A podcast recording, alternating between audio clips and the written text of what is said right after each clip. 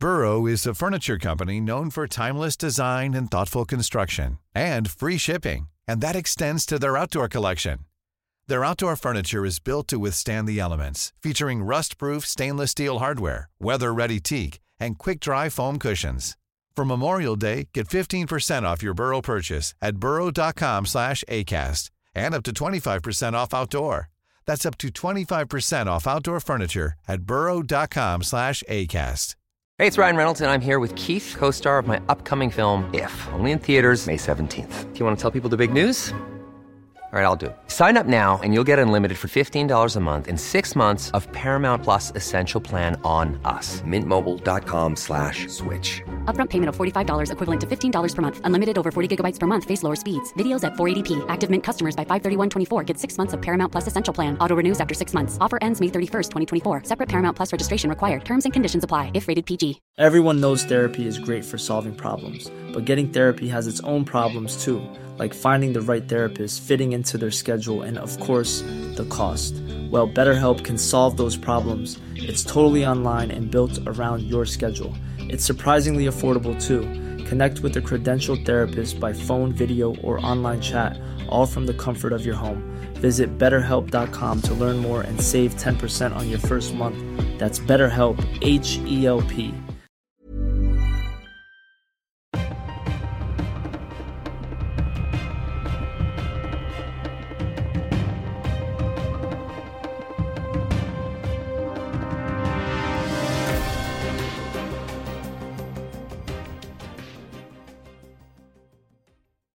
Sådär, då säger vi än en gång hej och eh, mycket varmt välkomna till ett nytt avsnitt av dagens Juridikpodden. Vi skriver onsdagen den 22 november, klockan är 11.20, det börjar kurra lite i magen men innan man får äta lunch så ska vi spela in en podd. Hur är läget Stefan?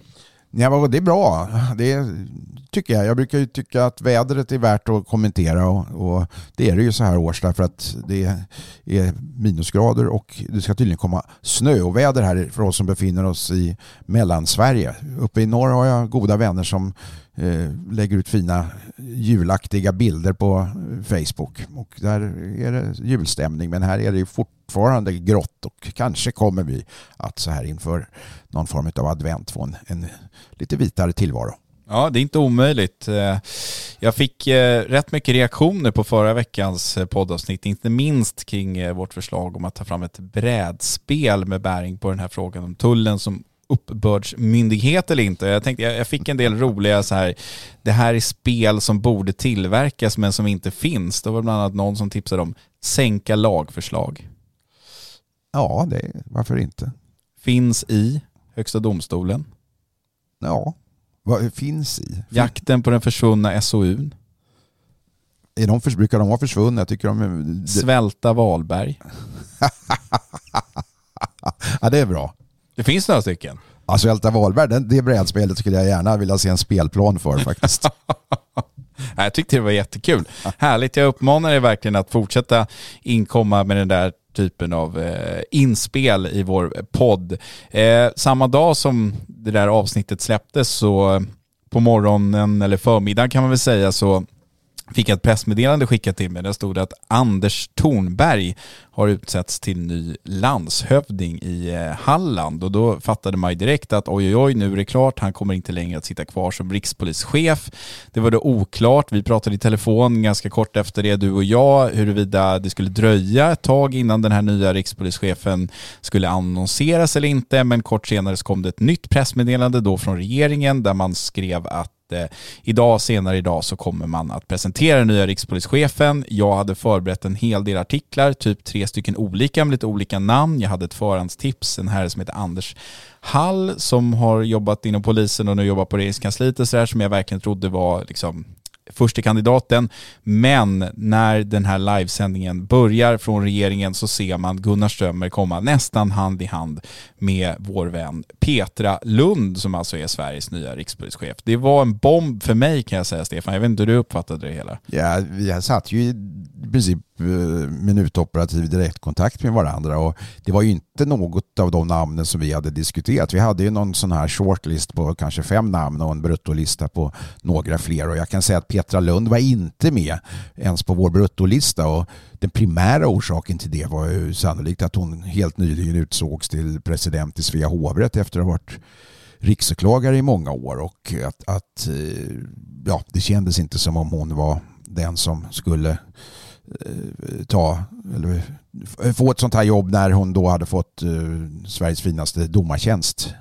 Nej, det var jättekonstigt. Jag, det fanns liksom inte på kartan för mig. Jag hade en, alltså de flesta hade väl tänkt att eh, skulle det kunna bli Johan Olsson som är chef för NOA, skulle det till och med kunna bli Charlotte von Essen som är Säpo-chef. Den här Anders Hall var väl kanske lite intressant för, för mig åtminstone och en del andra och det fanns väl en del namn. Det hade ju spekulerats i Karin Götblad, det har ju synts mycket nu i media den senaste tiden och så har profilerat sig lite i hon sugen på den här tjänsten. Ja, men det fanns en hel del namn uppe men Petra var inte ett av dem och som sagt den primära anledningen, precis som du sa, var väl sannolikt att hon eh, nyligen hade fått ett, eh, ett väldigt fint jobb på Svea hovrätt. Men, men även om hon inte hade haft det så är jag inte säker på att jag hade sett henne som en framtida rikspolischef.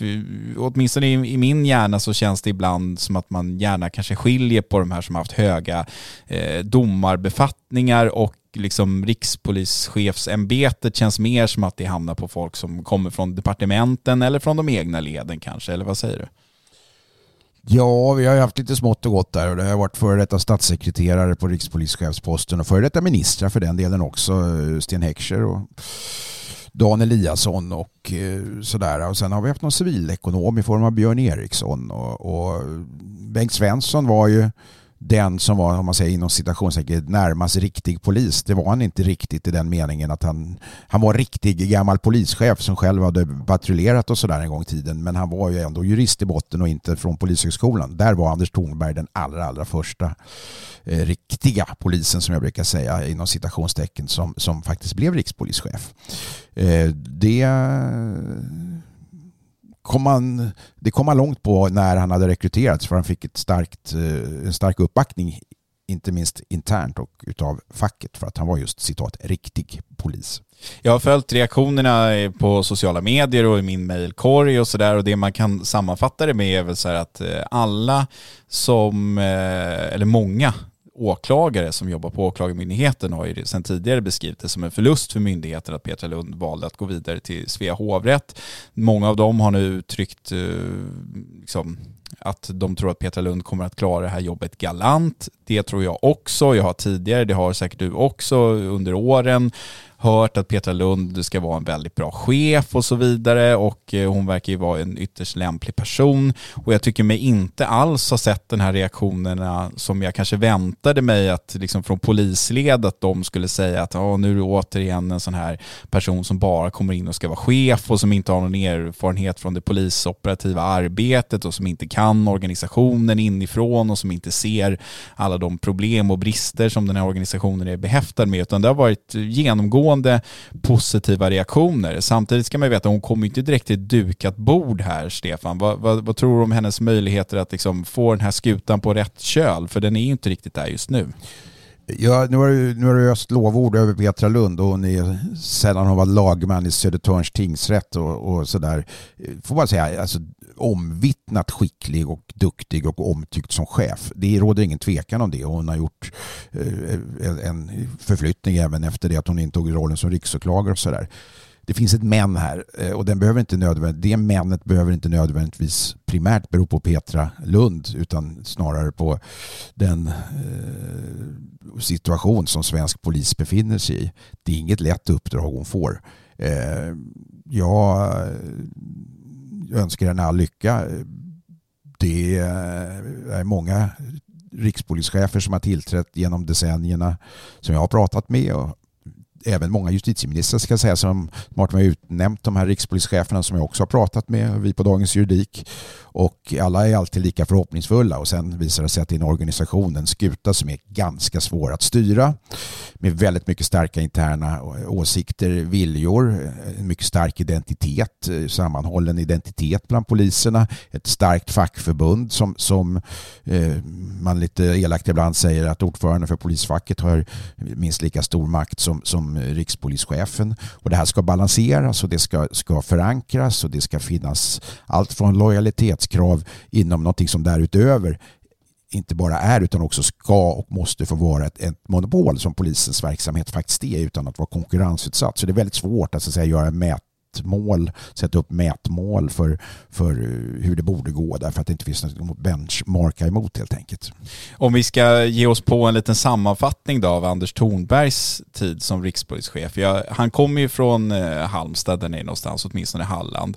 Och jag tycker att det finns vissa likheter mellan hans karriär som rikspolischef och Janne Anderssons karriär som fotbollslandslagstränare. Båda råkar ju komma från typ samma eh, lilla ställe där nere i Halland. Men, men båda började ju väldigt starkt. Det var väldigt starka, fina resultat i början. Det var liksom, nu är det förändring på gång. Anders Thornberg kommer från Säpo. Han har liksom den här polisexamen i botten och det var jättebra. Och han var ute i media och han var så här enkel att ha att göra med och ställde upp på intervjuer och var lite glad och lite rolig. Och precis samma sak med Jan Andersson. Nu ska vi byta spelsystem och det är hopp och lek och kul och det går bra och vi visar bra resultat.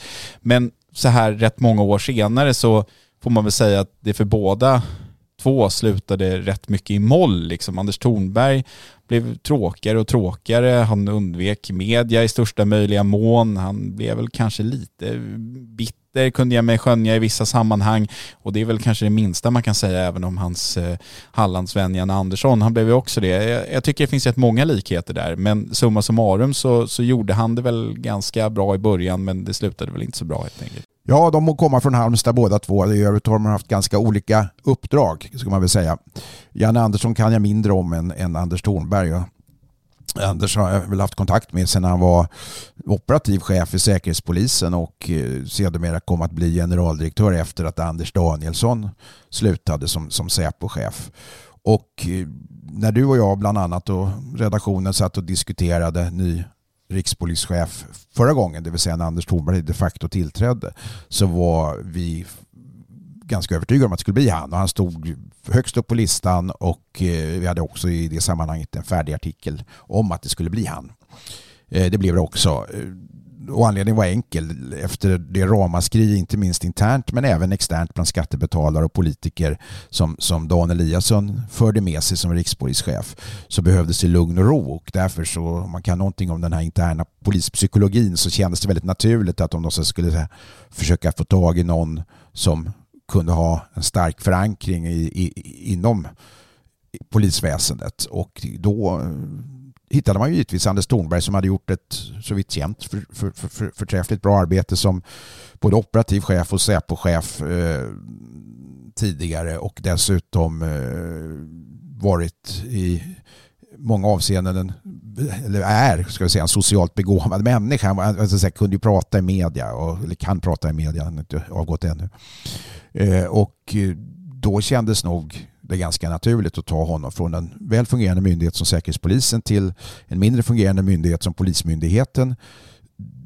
Därutöver så tror jag att både regeringen och möjligtvis, jag säger möjligtvis Anders Thornberg själv, eh, i någon mening underskattade skillnaden mellan Säkerhetspolisen och Polismyndigheten just vid det tillfället. Därför att Säpo är trots allt en organisation där man har lite hårdare nypor och ställer, den är slimmad och har en, en, en eh, annan profil än Polismyndigheten. Det är inte li, lika eh, många människor anställda och det är inte heller lika yvigt i eh, olika avseenden utan där fungerar det på, på lite annorlunda sätt.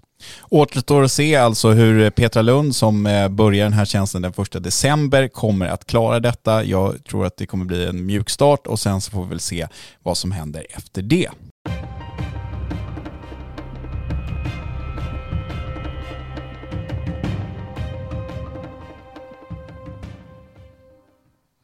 Från Petra Lund, Stefan, till en debattartikel som skrevs i veckan på Expressen av Republikanska föreningen. Den hade en ingress som löd som följer. Att avskaffa kungens åtalsimmunitet kan uppfattas som en inskärpning av kungens position. Men i ett längre perspektiv är det till gagn också för ämbetet då det minskar risken för framtida korruption, skriver Niklas Malmberg, då representant för Republikanska föreningen. Det här med åtalsimmunitet är ju någon någonting som eh, dyker upp för diskussion då och då. Vi pratade nyligen om att prinsessan Madeleine hade åkt dit för fortkörning till exempel och det har ju varit en eh, släkting här, en anhörig till drottning Silvia som kom att misstänkas för sexköp men som lyckades hålla sig undan delgivning och så vidare. Då har väl den här diskussionen aktualiserats. Eh, är det så att det bara är kungen i Sverige som har åtalsimmunitet eller gäller det även Silvia? Nej, det gäller bara kungen. Jag vill bara rätta och säga det var inte hastighetsöverträdelse på prinsessa Madeleine utan det var att hon hade framfört fordon nu så att vi inte utpekar henne som klandervärd och brottslig i annat avseenden. Det är bra. Nej, bra. Eh, det är bara kungen som har åtalsimmunitet fullt ut i Sverige. Det är statschefen som är kung eller regerande drottning som har det. Sen har andra former av statschefer, till exempel en riksföreståndare, om till exempel talmannen går upp och svarar, han har åtalsimmunitet utifrån det som han utför i sitt ämbete. Men kungen är med ett enda undantag fullt ut åtalsimmun straffrättsligt. Okej, och vad det betyder alltså att han kan begå i stort sett vilket brott, han kan begå vilket brott som helst utan att åtalas för detta? Ja, med ett enda undantag. Och då undrar du naturligtvis vilket det undantaget är. Fildelning? Nej, det är så att för att Sverige skulle kunna leva upp till sina internationella förpliktelser enligt Romstadgan när det gäller ICC, alltså internationella brott målsdomstolen så, så var man tvungen att, att, eh, så att säga, begränsa eh, statschefens åtalsimmunitet eh, till att omfatta då svensk lag eh, och inte då de brott som kan lagföras vid internationella brott, brottmålsdomstolen, det vill säga brott mot mänskligheten och, och, och folkmord och, och, den typen av brott. Och anledningen är att av Romstadgan framgår att även statschefer kan ju inte minst utifrån dagens situation vara aktuellt i, i olika sammanhang att diskutera huruvida då statschefer faktiskt, faktiskt också ska kunna få skaka galler och åtalas. Det vill säga man kan inte som enskilt land som anslutit sig till Romstadgan eh, genom intern nationell lagstiftning säga att vår, just vår statschef får inte kunna åtalas. Nu kan man ju då säga att vår eh, kung Carl Gustaf i, i praktiken eh, löper en exceptionellt liten, för att inte säga en försumbar risk för att överhuvudtaget exponeras för risken att göra sig skyldig till den typen av brott. Men för all del, rätt ska vara rätt, så det är ett undantag. Vad, jag, jag misstänker att det här bygger på gamla traditioner och så vidare och att det är så här det har varit sedan sen, eh, hundratals år tillbaka. Men när frågan lyfts som den gör här i, eh, på Expressen Debatt till exempel så, så eh, hittar man ju ofta liksom någonting att pinpointa. Här, här pratas mycket om eh, korruption och så vidare och risken för den och att det därför vore bra att eh, slopa den här åtalsimmuniteten. Men är det någonsin, liksom en, har du varit med om en hård debatt kring den här åtalsimmuniteten någon gång under din livstid? Så att säga? Ja, inte offentligt, däremot så har det diskuterats i olika sammanhang i juristkretsar och andra sammanhang som jag har deltagit i mediediskussioner eh, om det principiellt lämpliga eller olämpliga att vi faktiskt har en person i Sverige som då bevisar att alla inte är lika inför lagen. För det, det är ju precis det det bevisar, att det finns de som är höjda över lagen, nämligen hans Majestät Majestät Konungen. Och det brukar man ju trycka på att så får det inte vara. Vi har ju till och med i regeringsformen 1.9 att alla ska hanteras eh, lika. Men det stämmer inte beträffande Hans Majestät Konungen eftersom det undantaget då finns på ett annat ställe i regeringsformen. Men det är precis som du säger, historiskt så finns det ju en förklaring till det här, nämligen att eh, kungen är eh, kung av Guds nåde. Och en gång i tiden var det faktiskt så att kungen både var lagstiftare och den yttersta uttolkaren av sina egna lagar eftersom han var den högsta domaren i riket. Och då kändes det väldigt märkligt naturligtvis att det spelar ingen roll om någon landsfiskal skulle väcka talan för brott emot, emot eh, konungen. Han kunde ju själv fria sig själv som så att säga, högsta dömande instans och för den delen eh, även ändra lagar så att det passade honom. Så att eh, det är liksom den historiska bakgrunden. Idag så tror jag att det är få som är upprörda över det här därför att vi vet att, att det, det i praktiken är, är så att skulle vår nuvarande kung av någon anledning begå ett brott det behöver inte vara något uppsåt. Det kan vara någonting som får en väldigt tragisk eh, utgång eh, till följd av oaktsamhet som kanske skulle kunna rubriceras som teoretiskt sett grovt vållande till annans död eller någonting sånt där. Och det skulle så att säga riskerar att svärta ner kungen eller monarkin på ett otillbörligt sätt så tror jag personligen att kungen skulle abdikera och för att rädda då eh, monarkin och lämna över tronen till kronprinsessan Victoria. Tror du inte att det, om man nu är kritiskt inställd eh, till kungahuset som jag misstänker att Republikanska föreningen och dess representanter är och så vidare och tycker då att åtalsimmuniteten är problematisk, då kan jag ju tycka att det finns andra delar som man på något sätt skulle kanske vilja granska hårdare än just eh, den här frågan. Jag tänker, han lyfter korruption här, det här med kungliga hovleverantörer till exempel är ju någonting som har diskuterats, liksom vad, vad vinner eh, olika företag på att få det här lilla emblemet eller stämpeln på sina produkter. Det finns ju rätt många kända sådana företag som så att säga marknadsför rätt hårt att man är kungliga hovleverantörer, någonting som är väldigt svårt att granska. Eh, det finns ju också det som har varit uppe för diskussion kring det här eh, kungens jubileum här nu.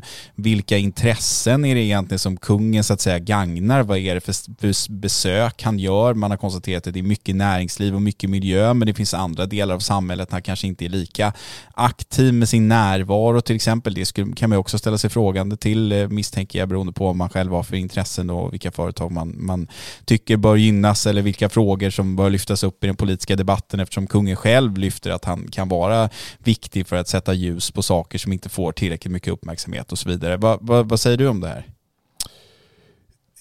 Alltså att monarkin är inte bara ytterst, för det handlar, allting i vår värld är ytterst politisk, men i det här fallet så är, är monarkin och även, vågar jag påstå, kungens åtalsimmunitet mer politisk än juridisk, eh, skulle jag påstå. Och det här har ju diskuterats inte bara när det gäller då straffrättslig immunitet i det här avseendet, utan även en del andra ska vi kalla det för juridiska abrovinker eller sånt som i varje fall tar sig uttryck inom, inom uttrycklig juridik, det vill säga i lagar och framförallt i grundlagar där kungens medverkan då jag ska inte säga att det är en ovillkorlig, ovillkorlig närvaro som krävs men att det i vart fall skulle bli problematiskt exempelvis om, om kungen vägrade medverka vid en eh, övergång från en regering till en annan eftersom det enligt grundlag ska ske i konselj inför konungen. Vad händer om kungen säger jag tänker inte medverka till att det här partiet eh, får inta regeringsmakten i Sverige? Hur skulle man lösa det? Ja, då skulle man händelsevis kunna säga att kungen får anses förhindrad att utföra sina uppdrag och då kan man ju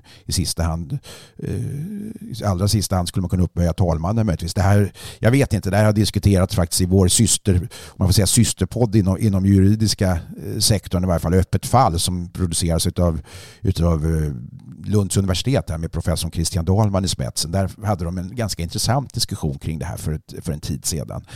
Eh, Han hotade ju med att inte ställa upp på Nobelfesten med anledning av, eh, tror jag om jag inte minns helt fel, att man bjöd in om det var ryska eh, diplomater och iranska diplomater. Eller vad, jag minns inte om det även var Iran, men det var någon rysk koppling där i alla fall. Och han har ju extremt stor makt på den fronten. Ja, där diskuterades ju att om, om kungen skulle skulle göra ett sådant ställningstagande som en markering att jag kommer inte till Nobelfestligheten och kommer inte dela ut Nobelpriset om, om, om eh, representanter för tyrannstater får närvara så skulle det så att säga vara eh, eh, ett, ett, ett, i någon mening ett politiskt ställningstagande som man i och för sig kan ifrågasätta utifrån hans oberoende roll. Men det skulle också sannolikt tvinga statsministern till att tacka nej därför att om, om kungen tackar nej och inte statsministern tackar nej så skulle det i någon mening vara så att, att statschefen var i konflikt med regeringschefen i, i frågor av väsentlig art och det är en, en, situation som inte helt enkelt får uppkomma varken demokratiskt, politiskt eller för den delen konstitutionellt. Va?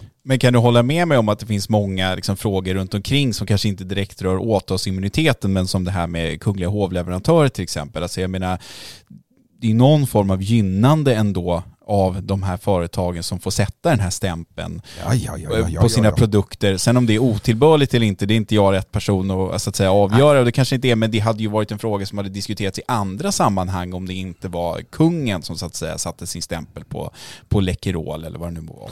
Det, alltså, ditt kritiska granskande av det här är ju inte bara befogat utan också högst relevant därför att i den kungliga hovleverantörs eh, vad ska kalla det för, kontraktet då, då, så ingår det att du får använda stora riksvapnet, vilket inte ens Sveriges regering får använda. De får ju nöja sig med lilla riksvapnet som bekant. Men som tillverkare utav, utav gottis och, och, och sängar och allt vad det nu Tandkräm. är tandkräm, ja, vi kan räkna upp allting. De kungliga hovleverantörerna finns om jag inte minns fel uppräknade på hovets hemsida.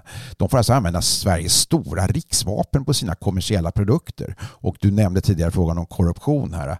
Ja, är det överhuvudtaget rimligt? Är det rimligt att det ska få vara så? Eh, nu kan jag då inte säga att jag har sett eh, några eh, papper på detta men jag har mycket svårt att tro att till exempel kungahuset eller kungafamiljen behöver betala eh, marknadsmässigt pris för de här produkterna även om de ska använda det till privat. Jag tror till exempel att det finns ett säng, sängmärke som har anspelning på ett riddjur. Va?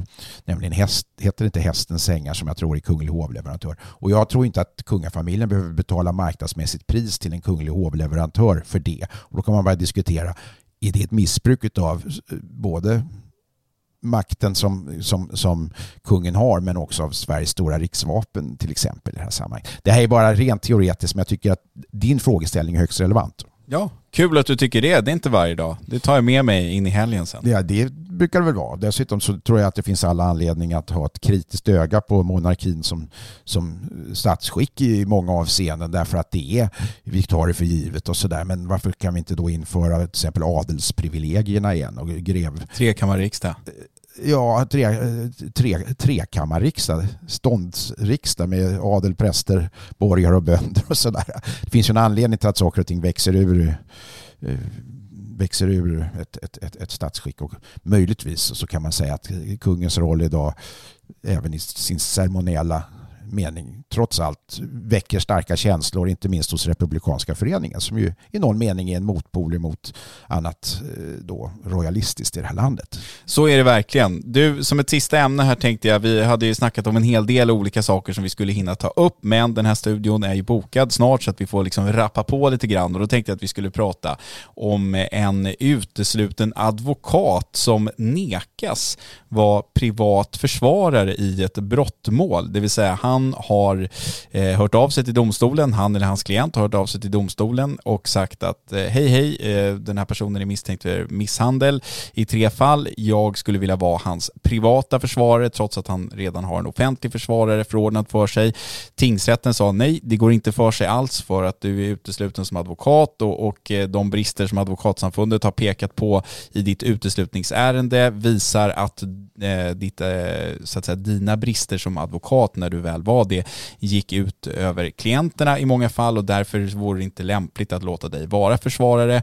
Han överklagade det här beslutet till hovrätten som sedan fastställde detta och konstaterade att nej, det finns en fara här för att klienten i fråga inte kommer att få ett rättssäkert försvar om vi tillåter den här numera juristen att agera privat försvarare. Det här tycker jag är ett väldigt intressant avgörande, Stefan, för att det är väl rimligt att tänka att har man uteslutit som advokat på de grunderna som den här personen personer har uteslutit så kanske det visar att man inte är lämplig. Samtidigt har vi ju någonting som kallas för det fria advokatvalet. Vi har ju också en möjlighet att så att säga välja försvarare eller ombud som inte är medlemmar i advokatsamfundet. Det är ju inte liksom ett, ett krav hela vägen ut så att säga, även om det brukar ofta vara en förutsättning. Ska man inte få välja vem man vill som sin försvarare?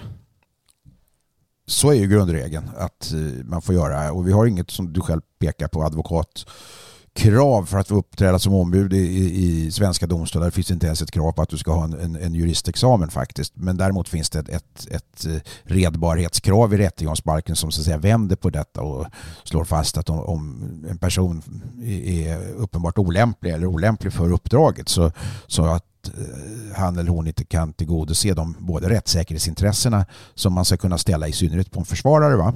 Eh, men också den rättegångsordning och, och vanlig säga, praktiska processföring. Process, ja, precis, och processföringen som sådan så, så, så, kan domstolen säga att han är, eller hon är, är olämplig. Eh, så i den meningen så har man ju då eh, i Sverige mer långtgående möjligheter att ha en icke förordnad Eh, Eh, icke, alltså, eller en icke, eh, vad ska vi kalla det för, licensierad eh, jurist som ombud, till exempel en advokat. I många länder så är det till och med, jag menar i Storbritannien om jag inte minns fel så är det så att du måste vara barrister för att få uppträda som ombud i rätten medan då solicitors är juridiska rådgivare, alltså båda är en form av advokater för de som, de som inte kände till det. I praktiken ger man ju här den här uteslutna före detta advokaten yrkesförbud.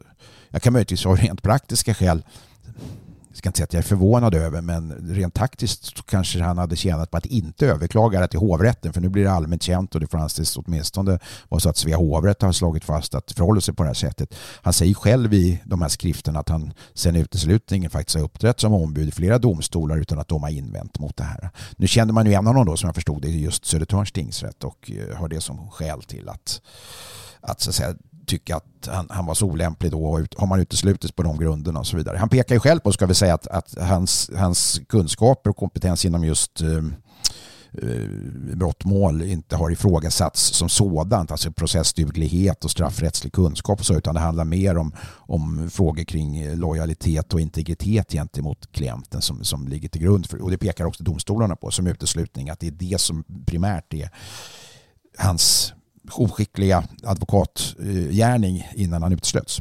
Alltså det man får, får verkligen får säga i det här sammanhanget är att domstolen tar ju så att säga klientens parti. Det är ju helt tydligt här att det viktigaste för domstolen är att eh, den tilltalade i det här fallet ska få en så rättvis rättegång som möjligt och det menar man att det är det som det finns en risk här att om man låter den här juristen numera eh, agera privatförsvarare så finns en risk att hans brister så att säga kommer gå ut för klienten. Det är det som är i fokus.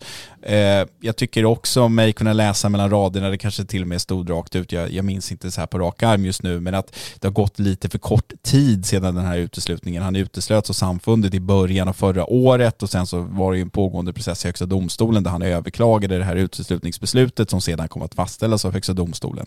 Kanske kan det vara rimligt kan jag tycka att det får gå lite tid här mellan själva uteslutningen innan dess att man kan tycka att en person liksom har ja men som med mycket annat, sonat sina citatbrott och, och sen kan liksom återuppta en juristkarriär. Jag vet inte. Ja, så kan det ju vara, men alltså det, det är klart att, jag menar, nu är det så att samfundet ställer eh, extraordinärt höga krav på att deras medlemmar eller ledamöter som det så fint heter eh, är, är, inte bara jurister utan också redbara och, och, och pålitliga och, och, med god handel och vandel och allt vad som nu krävs för att få vara advokat. Och bara för att du inte anses uppfylla de kraven så innebär det ju inte att du är en oskicklig jurist som inte i övriga sammanhang kan, kan företräda eh, klienter i domstol naturligtvis. Och där, din, eh, slutsatsen av det är att bara för att du har uteslutits från advokatsamfundet så är du inte olämplig att vara ombud i, i, i domstol just för att du kan ha fallit på de speciella krav som ställs på just en advokat.